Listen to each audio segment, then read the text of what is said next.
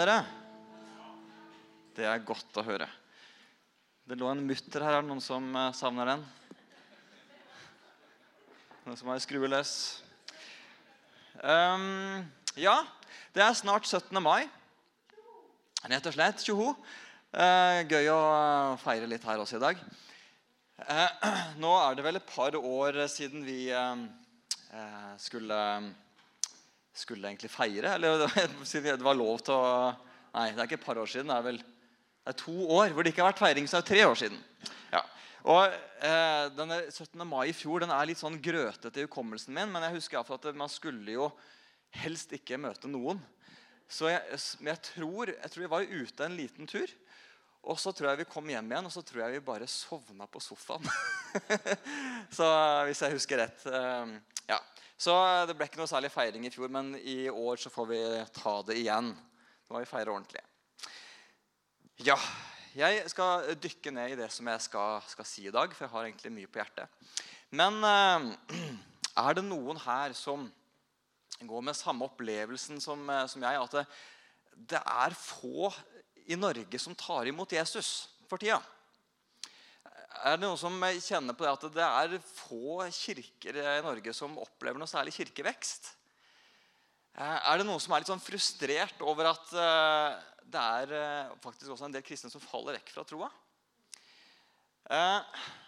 Hvis vi sammenligner oss med hva som skjer litt sånn rundt omkring i verden, så er det jo sånn at f.eks. et land som Iran de opplever jo 20% kirkevekst årlig.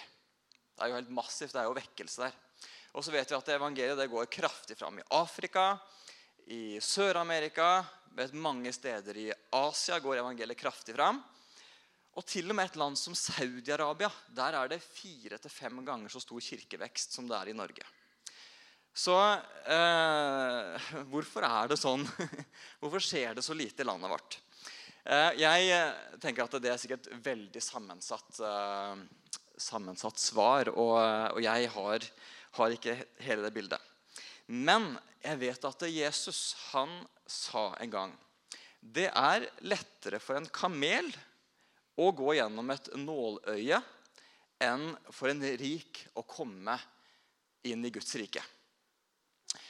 Eh, det virker som Jesus eh, på en måte formidler at det er vanskelig for rike å komme inn i Guds rike. Uh, og så ble disiplene ganske stressa da de hørte det. Så sa jo, hvem kan da bli frelst? Og så Heldigvis så legger Jesus til for mennesker er dette umulig, men for Gud er alt mulig. Så det er altså ikke umulig for rike å bli frelst. Men det virker som det er vanskeligere å gripe det her med Guds rike når man er rik. Nå er det sånn at Norge uh, er blant topp tre rikeste land i verden. Kun slått av Luxembourg og Sveits. Og I 15 år på rad så ble også Norge kåra av FN til å være det beste landet å bo i. Og kanskje er det de tinga her kanskje de er med på å gjøre at interessen for Gud og det som har med Guds rike å gjøre, er litt mindre i landet vårt. Og kanskje er det sånn at det, i takt med at det livet her innfrir, så kanskje tanken på det evige livet blir mer fjern og mindre relevant. Og kanskje preger det også oss kristne mer enn det vi kanskje tenker. Så i dag ønsker jeg å snakke om hvordan du kan leve det her livet i perspektiv av evigheten. Da tar vi først og ber. Takker deg, eh, Jesus Kristus, for at du er her. Takk fordi at eh, du har eh, perspektivene på plass. Og jeg ber deg om at du skal snakke til oss eh, i dag gjennom det jeg skal si. Hjelp meg til å formidle det sånn at det blir lett å forstå, lett å henge seg på, og at det kan føre til forandring i våre liv. Jeg inviterer deg inn her nå, Hellige Ånd, i Jesu navn. Amen. Bra. Ja. En gang så var Jesus på besøk hos en fariseer. Jeg tror han var det flere ganger, men eh, en gang han var der, så var det en av gjestene som sa til Jesus Salig er den som får sitte til bords i Guds rike. Jeg vet ikke, Er det mange som har vært på konfirmasjon nå de siste ukene? Her, jeg var det? Og det var ganske salig, det òg. Det var deilig mat, og det var kakebord. og ble bare stelt for hele tida. Men salig er den som får sitte til bords i Guds rike. Han kunne ikke hatt mer rett. Tenk og en dag få sitte til bords med Jesus i Guds rike og nyte alt det som han har forberedt for oss. Eh, men så sier Jesus til han en lignelse som Jesus da ofte fortalte. Og nå kanskje vi muligens får på et bibelvers her da. Det var en mann som ville holde et stort gjestebud, og han innbød mange. Da tiden for gjestebudet kom, sendte han tjeneren sin av sted for å si til de innbudte.: Kom, for nå er alt ferdig. Men de begynte å unnskylde seg, den ene etter den andre. En sa, «Ah, 'Jeg har kjøpt et jordstykke som jeg må ut og se på.'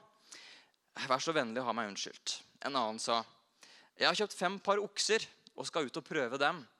'Vær så vennlig å ha meg unnskyldt.' Og en tredje sa, 'Jeg har gifta meg, derfor kan jeg ikke komme.' Tjeneren kom tilbake og fortalte dette til herren sin. Da ble husherren sint og sa til tjeneren.: Gå straks ut på byens gater og torg og hent inn de fattige og uføre og blinde og lamme. Tjeneren kom tilbake og sa, 'Herre, jeg har gjort som du sa, men det er ennå plass.' Da sa Herren til tjeneren sin, 'Gå ut på veiene og stiene og nød folk til å komme inn, så huset mitt kan bli fullt.'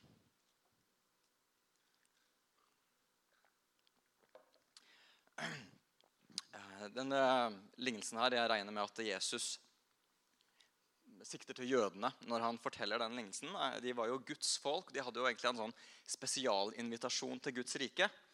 Men som vi vet, så takka jo de fleste nei til den invitasjonen da de avviste Jesus. Eh, Jeg vet ikke helt hva du syns om unnskyldningene som brukes her i den lignelsen. Om de er gode.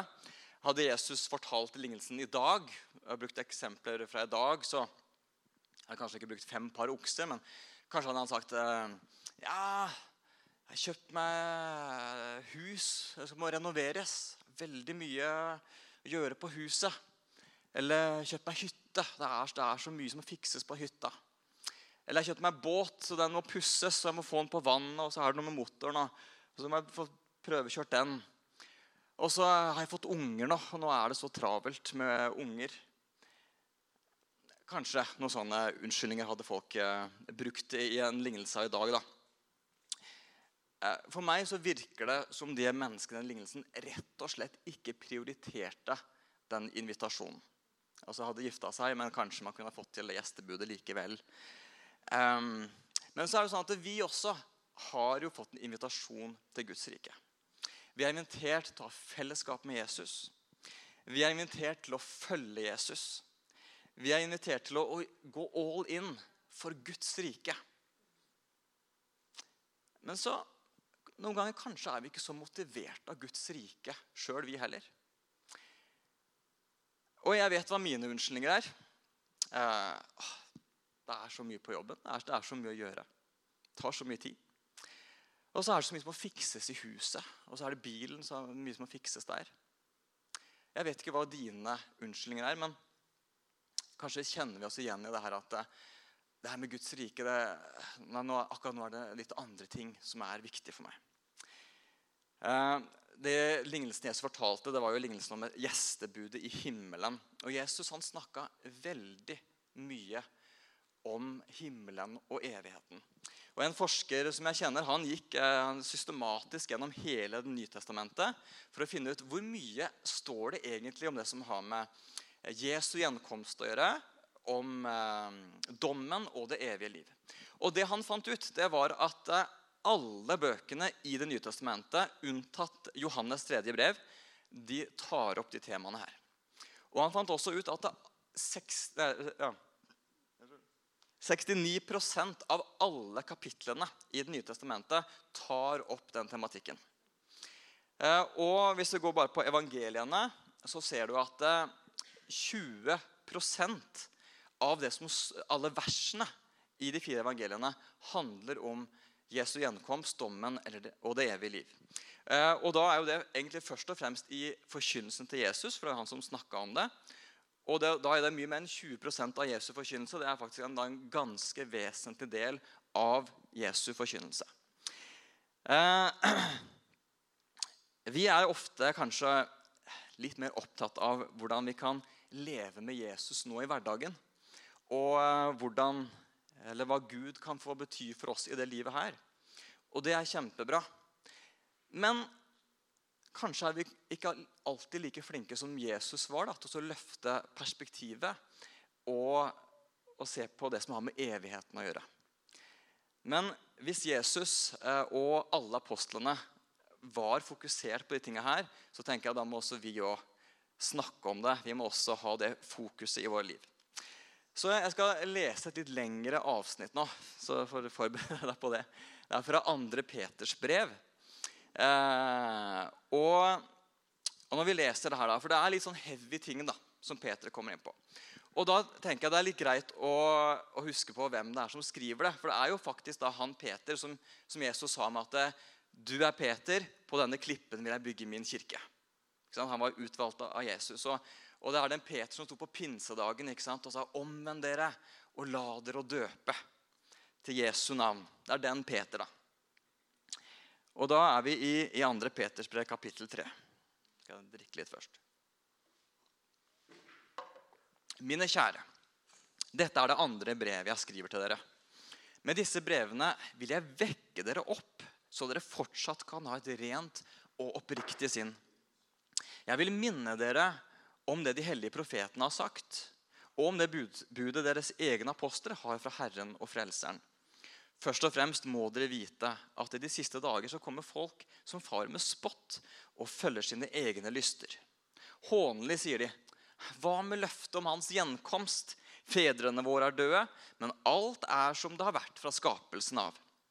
De som sier slikt, glemmer at det fra eldgammel tid var himler og en jord som steg fram av vann og består ved vann, i kraft av Guds ord. Og ved det gikk verden den gang under, da den ble oversvømt av vann. Men de himler og den jord som er nå, er i kraft av det samme ordet spart til ilden. Det holdes oppe helt til dommens dag, da ugudelige mennesker skal gå fortapt. Men én ting, mine kjære, må dere ikke glemme. For Herren er én dag som tusen år, og tusen år som én dag. Herren er ikke sen med å oppfylle sitt løfte, som noen mener. Nei, han er tålmodig med dere, for han vil ikke at noen skal gå fortapt, men at alle skal nå fram til omvendelse. Men Herrens dag skal komme som en tyv. Da skal himmelen forgå med et rungende drønn elementene skal komme i brann og bli fortært, og jorden og alle gjerninger som er gjort på den, skal komme fram i lyset. Når alt skal gå i oppløsning på denne måten, hvor hellig og gudfryktig bør dere ikke da leve? Mens dere venter på at Guds dag skal komme. Og framskynder den.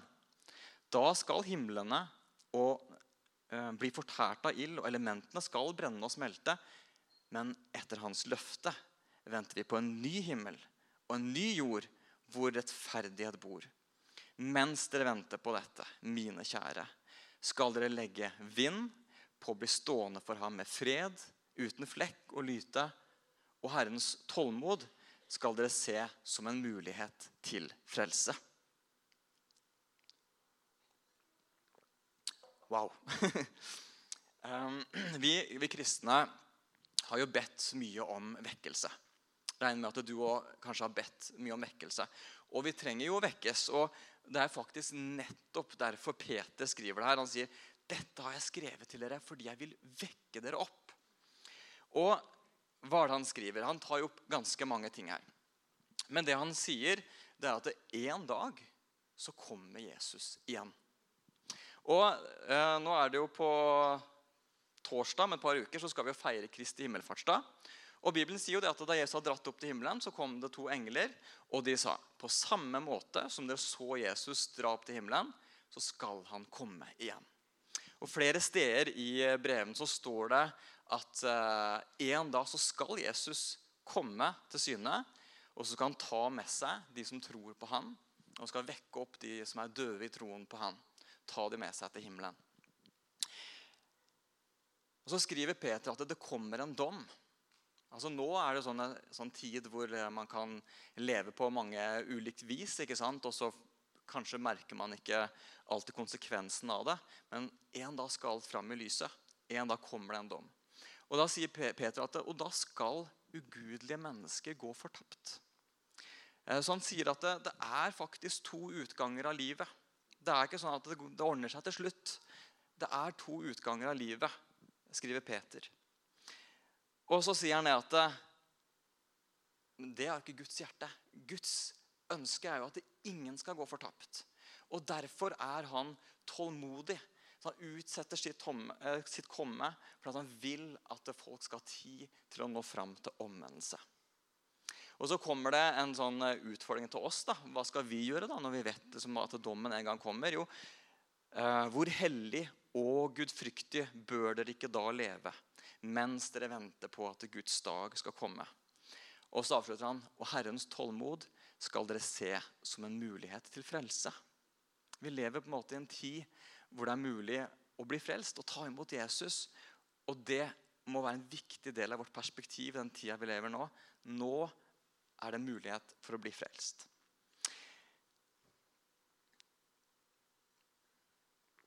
på um, forrige søndag, var det 8. mai. Da feira vi jo Norges frigjøringsdag. Og uh, på tirsdag så er det 17. mai. feirer vi friheten. Uh, og Det som er viktig å ikke glemme, det er jo at det var jo noen mennesker som kjempa og ga livet sitt for vår frihet, som vi nyter i dag. Og Da var det jo mennesker ikke sant, som var villige til å ofre sitt eget liv for Norges frihet. Og, og, og, For noen så virker det helt utenkelig liksom, å gi livet sitt for noe. Ofre livet sitt. Men det var noen som tenkte at det er noe som er større enn meg. Et rike som er verdt å gi livet sitt for. Og Nå sant, kan vi jo se til Ukraina, hva som skjer der. Og, og, Presidenten i Russland hadde kanskje sett for seg at det skulle bli en, en sånn lynkrig hvor uh, russerne raskt fikk kontroll over hele Ukraina. Men så ser vi jo det at det er et folk som reiser seg, tar til våpen og kjemper tilbake, slår tilbake. Og folk som kanskje ikke har våpentrening fra før, som kjemper og er villige til å ofre sitt eget liv fordi det er noe som de anser som større enn sitt eget liv. Og det er riket og friheten. Det å kunne få leve i frihet. Um, riket går foran alt. Vi skal se et lite filmklipp uh, nå hvis vi, hvis vi, får det til. Er det, er det sånn tommel opp hvis vi får det til? Ja. um, og Det er fra en TV-serie som gikk for noen uh, år tilbake. 'Band of Brothers'. Er det mange som har sett den? Og En fantastisk skildring av, skildring av uh, de alliertes kamp for et fritt Europa. Og um, Vi møter her en fyr som heter Albert Blythe, en soldat. Og han var fallskjermsoldat. Eh, og han ble jo sluppet ned over Normandie, langt inn på fiendtlig territorium, eh, på D-dagen. Eh, og mens da kuler og granater eh, føyk rundt, og, og, og, tusenvis av allierte omkom den dagen, så landa han i en grøft. Eh, og så mente han at han hadde fått noen sånne luftsyketabletter som gjorde at han ble så trøtt så han sovna.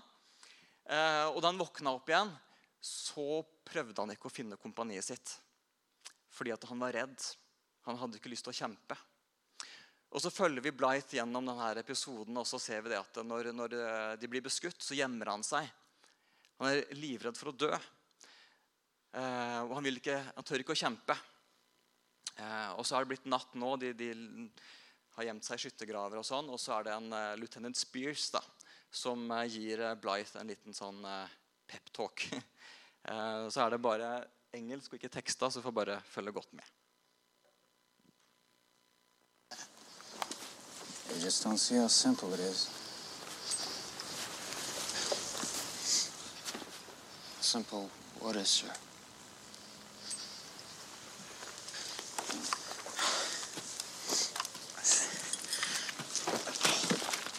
Just do what you have to do.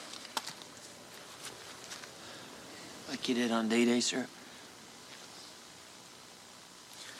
Lieutenant. Sir, when I landed on D Day, I found myself in a ditch all by myself. I fell asleep. I think it was, it was air sickness pills they gave us.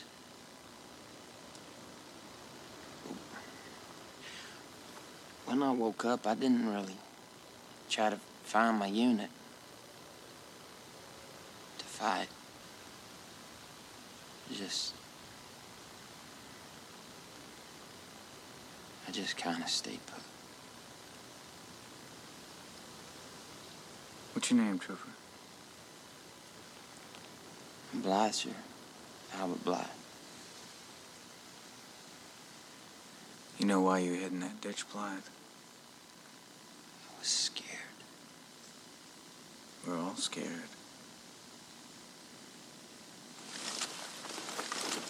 You hid in that ditch because you think there's still hope. But Blythe, the only hope you have is to accept the fact that you're already dead. And the sooner you accept that, the sooner you'll be able to function as a soldier's supposed to function.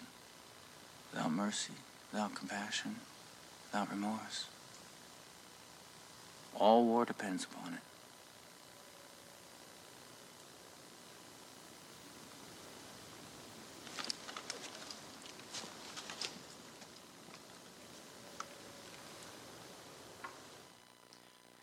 Jeg vet ikke om det her ga noe mening for deg, men det talte iallfall til meg. Eh, fordi at eh, Blythe han mente at han gjemte seg fordi han var redd. Og så sier Spears ja, men vi var alle redde. Han sier det du må akseptere, det er at du er allerede død. Og jo fortere du aksepterer det, jo fortere kan du fungere som en soldat. Og for meg så talte iallfall det at eh, hvis, en, hvis en soldat går ut i krigen, en sånn krig som det her, og det høyeste eller viktigste målet er å overleve, da kan man jo ikke fungere som soldat. Da, da, da det, Man må jo akseptere at dette er jeg villig til å gi livet mitt for. Det er noe som er større enn meg, som jeg er villig til å gi livet mitt for. Og det som eh, skjedde, var jo Blythe han, eh, han beit henda sammen. Og så gikk han ut i striden og kjempa, han også. Og det endte med at han måtte gi livet sitt for, eh, for medsoldatene sine. Men han oppnådde også å følge allierte et lite skritt nærmere seieren over Nazi-Tyskland. Og you have to accept the fact that you're already dead. Jeg tror at eh, vi også har et rike å kjempe for som er verdt å gi alt for. Og da kan ikke det viktigste målet vårt være å leve et trygt og godt liv. Å bare overleve. Det kan ikke være det viktigste prioriteringa vår. Men vi er kalt til å leve et liv i etterfølgelse. Og oppdraget vårt er å kjempe for Guds rike. Vise Guds kjærlighet. Dele evangeliet og lede mennesker til tro på Jesus. Og hva er det Paulus sier om det her? Nå skal vi eh, kanskje få opp noen bibelvers igjen. Jeg er, eh, der er Galaterne 2. Jeg er korsfestet med Kristus. Jeg lever ikke lenger selv, men Kristus lever i meg. Det livet jeg eh, nå lever i som et menneske av kjøtt og blod, det lever jeg i troen på Guds sønn, som elsket meg og ga seg selv for meg. Og så tar han ett skritt videre, til, videre i Filippe-brevet. Å leve er for meg Kristus. Å dø er en vinning. Men hvis jeg forblir i live, kan jeg gjøre et arbeid som bærer frukt. Og da vet jeg ikke hva jeg skal velge. Jeg kjenner meg trukket til begge sider. Jeg lengter etter å bryte opp og være sammen med Kristus. For det er så mye, mye bedre. Men for deres skyld er det mer nødvendig at jeg fortsatt får leve. Nå er det En viktig del av eh, konteksten er at Paulus han satt i fengsel i Rom og han venta på henrettelsen. Så det kan kanskje prege litt eh, måten han skriver på. Eh, men Paulus han følte seg trukket til to sider. På den ene sida så, så han døden som en vinning, for han ville så veldig gjerne være sammen med Jesus. Men så skjønte han jo at han kunne være mer til nytte for andre om han fortsatt fikk leve. Paulus lengta etter Jesu gjenkomst. Eller han lengta etter å være med Jesus. Gjør du det? For iblant så snakker jeg med kristne som kjenner seg ikke helt klar for Jesu gjenkomst. Fordi de, de ønsker å få mer ut av livet her først. Men én ting det kan jeg love deg. At eh, når du har fått møte Jesus og fått sett det stedet han har gjort klar for deg, så kommer du ikke til å irritere deg over at du kanskje ikke rakk å bli gift, eller at du ikke rakk å få barn, eller at du ikke rakk den turen på safari til Sør-Afrika som du hadde planlagt. Vet du hva? Det kommer til å være helt uvesentlig. Og Derfor tror jeg heller vi bør leve sånn at vi er klare når Jesus skal hente oss. Og at vi bør leve sånn at vi får med oss flere på den veien. Min eh, datter Mariell vi satt og, jeg og hun satt og snakka sammen i dag, for røykvarsleren hadde gått. Eh, og så kom det liksom en sånn prat om eh, at hva hvis huset brenner. da? Og så sa hun til meg at hvis huset brenner, da kommer jeg til å ta med Hera, det er hunden vår, og mobilen min, og så mye penger jeg rekker å få med meg. Og så tenkte jeg at ja, Det var jo veldig bra at du ville ha med seg hunden sin. da. Men så sa jeg vet du hva, du har ikke så veldig mye penger. Eh, ikke bruk tid på å lete etter penger. Vi har masse penger i banken. altså Bare kom deg ut. Ikke begynn å lete etter penger. Eh, men, eh, men, det er noe med at en krise det gjør at vi må prioritere. ikke sant?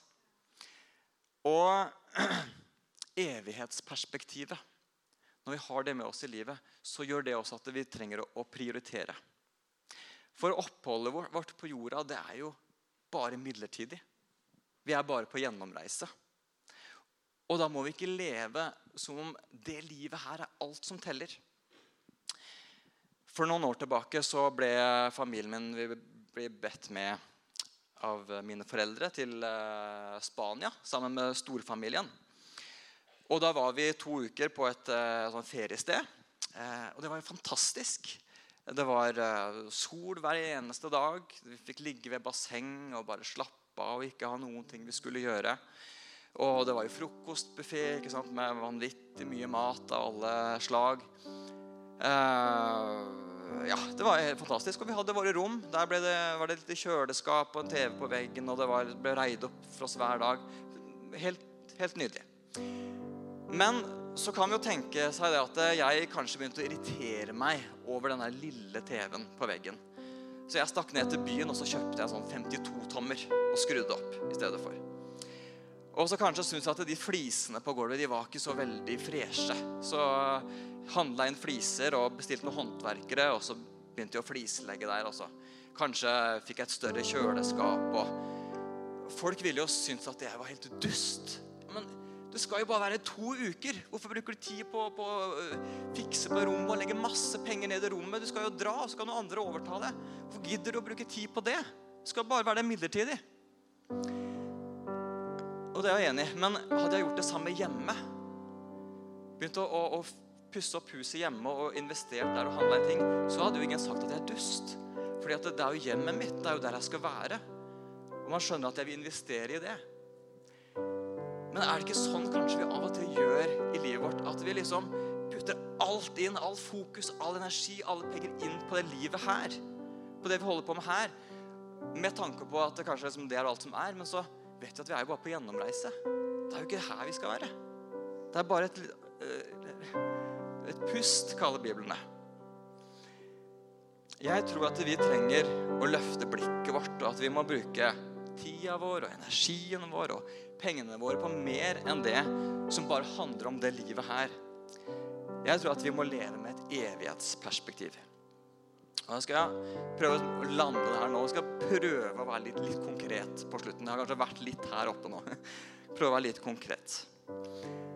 Jeg tror at eh, vi må prioritere hvordan vi bruker tida vår. Bruker vi tida bare på ting som har verdi i dette livet, og så har det ingen verdi mer? Eller er det sånn at du kjenner på deg sjøl at det er egentlig ting du gjør som du egentlig bare kaster bort veldig mye tid? Du vet med deg sjøl at det er helt unyttig. Du bare kaster bort tida. Jeg tror det er viktig at vi eh, er villige til å investere tida vår på ting som har evighetsverdi. Og, og tid er jo en begrensa ressurs. Vi kan få mer penger, ikke sant? men vi kan ikke få mer tid. Vi har 24 timer i døgnet. Det er alt vi får. That's it. Hvordan vil du bruke tida di? Så tror jeg vi må tenke over hvordan vi bruker pengene våre. Eh, jeg sier pengene våre, men egentlig så er det Guds penger. Har vi gitt livet til Jesus, så er det sånn at alt vi har, tilhører. Og så er jo egentlig du bare en forvalter. Og du skal forvalte de pengene. Og hvordan forvalter du da? Går det bare til personlig forbruk? Eller eh, velger du å investere inn i Guds rike også? Inn i det som har evighetsverdi? Velger du også å gi til kirka, så den kan være livskraftig og, og være i stand til å gi eh, Guds eh, Eller gi troen på Jesus til nye generasjoner? Investerer du i misjonsarbeidet sånn at eh, alle folkeslag kan bli nådd med evangeliet? Jesus han snakka faktisk mye om penger. Tok det opp flere ganger, og En av de tingene han sa, det var bruk pengene, som det hefter så mye urett ved, til å vinne dere venner som kan ta imot dere i de evige boliger når pengene tar slutt. Er litt rar formulering her, men En gang tar jo pengene våre slutt, og Jesus kaller for å vinne oss venner. Men vi kan faktisk nå mennesker med evangeliet, med pengene, hvis vi bruker det rett. Hvis det ikke bare går til personlig forbruk. Hvordan bruker du gavene Gud har gitt deg? Jeg tror vi må prioritere altså, Du har fått masse talenter, masse evner, mye du kan bidra med. Og jeg tror vi må prioritere det også med et evighetsperspektiv. Har du gaver eller evner som du bare graver ned, som du velger å ikke bruke? Eller er det sånn at du bare bruker de kanskje på jobben? Eller bruker du det også sånn at mennesket kan bli kjent med Jesus gjennom at du bruker gavene dine? Jeg husker en, eh, en gave som jeg var i, kanskje nesten i ferd med å grave ned. Det var uh, talegaven min. Uh, hvilken gave, kan kanskje du spørre da. men, men, men eh, for, for, noen så vet jeg at det, å stå her sånn som nå og kunne snakke til mange, det er en drømmesituasjon. For meg så er det ikke det. og det er av flere grunner. Én ting er at det tar veldig mye tid å forberede. Iallfall eh, bruker jeg veldig mye tid. Jeg vet om andre også som gjør det samme.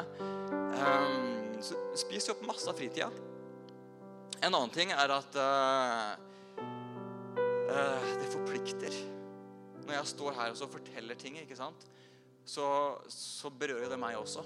Og det utfordrer meg òg. Og det forplikter jo meg når jeg står her og deler sånne ting. Og det er utfordrende. Det er ikke alltid så behagelig. Og så En annen ting er jo det at uh, jeg vet ikke her, eh, du oppfatter det her. Kanskje er du uenig i det jeg sier. Kanskje syns du jeg er teit. ikke sant? Det kan ikke jeg styre. Så Derfor så koster det jo å stille seg fram sånn. Og Det var en periode hvor jeg tenkte at uh, det, er, det, er, ikke så viktig for meg. Det, nei, jeg har ikke lyst til å bruke så mye tid på det. Men så opplevde jeg at Gud utfordra meg til å ikke grave ned det han har gitt meg, eller bruke det for at flere kan bli kjent med Jesus. Og, og du òg har ting og det, det, Så klart handler ikke det bare om å stå og tale, ikke sant? men du, du har jo så mange talenter og evner som Gud kan bruke, og som Gud ønsker å bruke. Og hvordan bruker du det? Hvordan prioriterer du det? Går, det? går alt sammen til jobben? Eller går alt sammen til hobbyen din? Eller går det også for å bygge Guds rike? Investere i noe som har verdi utover det livet her. Hvordan prioriterer du relasjonene dine? Er du bevisst på å bygge relasjoner til mennesker som ikke kjenner Jesus? Og de relasjonene du har, er du bevisst på at du kan faktisk formidle Jesus til de? Kanskje du er den eneste som kan, de kan høre, høre, om eh, Jesus gjennom? Hvordan, for, eh, hvordan prioriterer du relasjonene? Den eneste grunnen til at eh, man kanskje vil at Jesus skal vente med å komme igjen, det er jo faktisk hvis det er folk man gjerne vil ha med seg til himmelen. Og, og Derfor så sier Peter at Herrens tålmod skal dere se som en mulighet til frelse. Er nå vi har muligheten til å lede mennesker til tro på Jesus. Jeg skal slutte nå. Jeg tror at eh, Hvis vi kristne i Norge våkner opp og eh, får prioriteringene våre rett, så tror jeg at vi også kan få se at mange mennesker i landet vårt kommer til å tro på Jesus. Og eh, vi skal synge litt sammen nå. Og jeg vil at du skal gå inn for Gud, og så eh, får du spørre Den hellige ånd. Er det prioriteringer du trenger å justere i ditt liv? Og så får jeg gå inn for Gud, for jeg har også prioriteringer som jeg trenger å justere i mitt liv. Og så får jeg spørre hva Den hellige ånd sier til meg. Men jeg håper du ikke går hjem og er helt uberørt. Og som ikke har gjort noen justeringer, for jeg tror det at vi trenger å justere oss. For jeg tror at det, evighetsperspektivet det trenger å få betydning for hvordan vi lever livet her i dag. Så vi kan ta oss og stå opp eh, hvis du har eh, bein til det. Nå skal vi bare be litt sammen til slutt. Takk deg, gode far, fordi at du elska, din, elska oss så høyt at du sendte din eneste sønn. For at hver den som tror på Han, ikke skal gå fortapt, men ha evig liv. Og så takker jeg deg, far, fordi at du har gitt oss evig liv. Og jeg ber om at det perspektivet at det skal prege hver eneste dag. Prege hvordan vi lever livene våre, hvordan vi gjør prioriteringene våre. Så inviter deg, Hellige Ånd, til å komme og snakke til oss og utfordre oss. Og så be om at vi skal være ydmyke og være villige til å, å legge av oss ting og la deg få være herre i våre liv.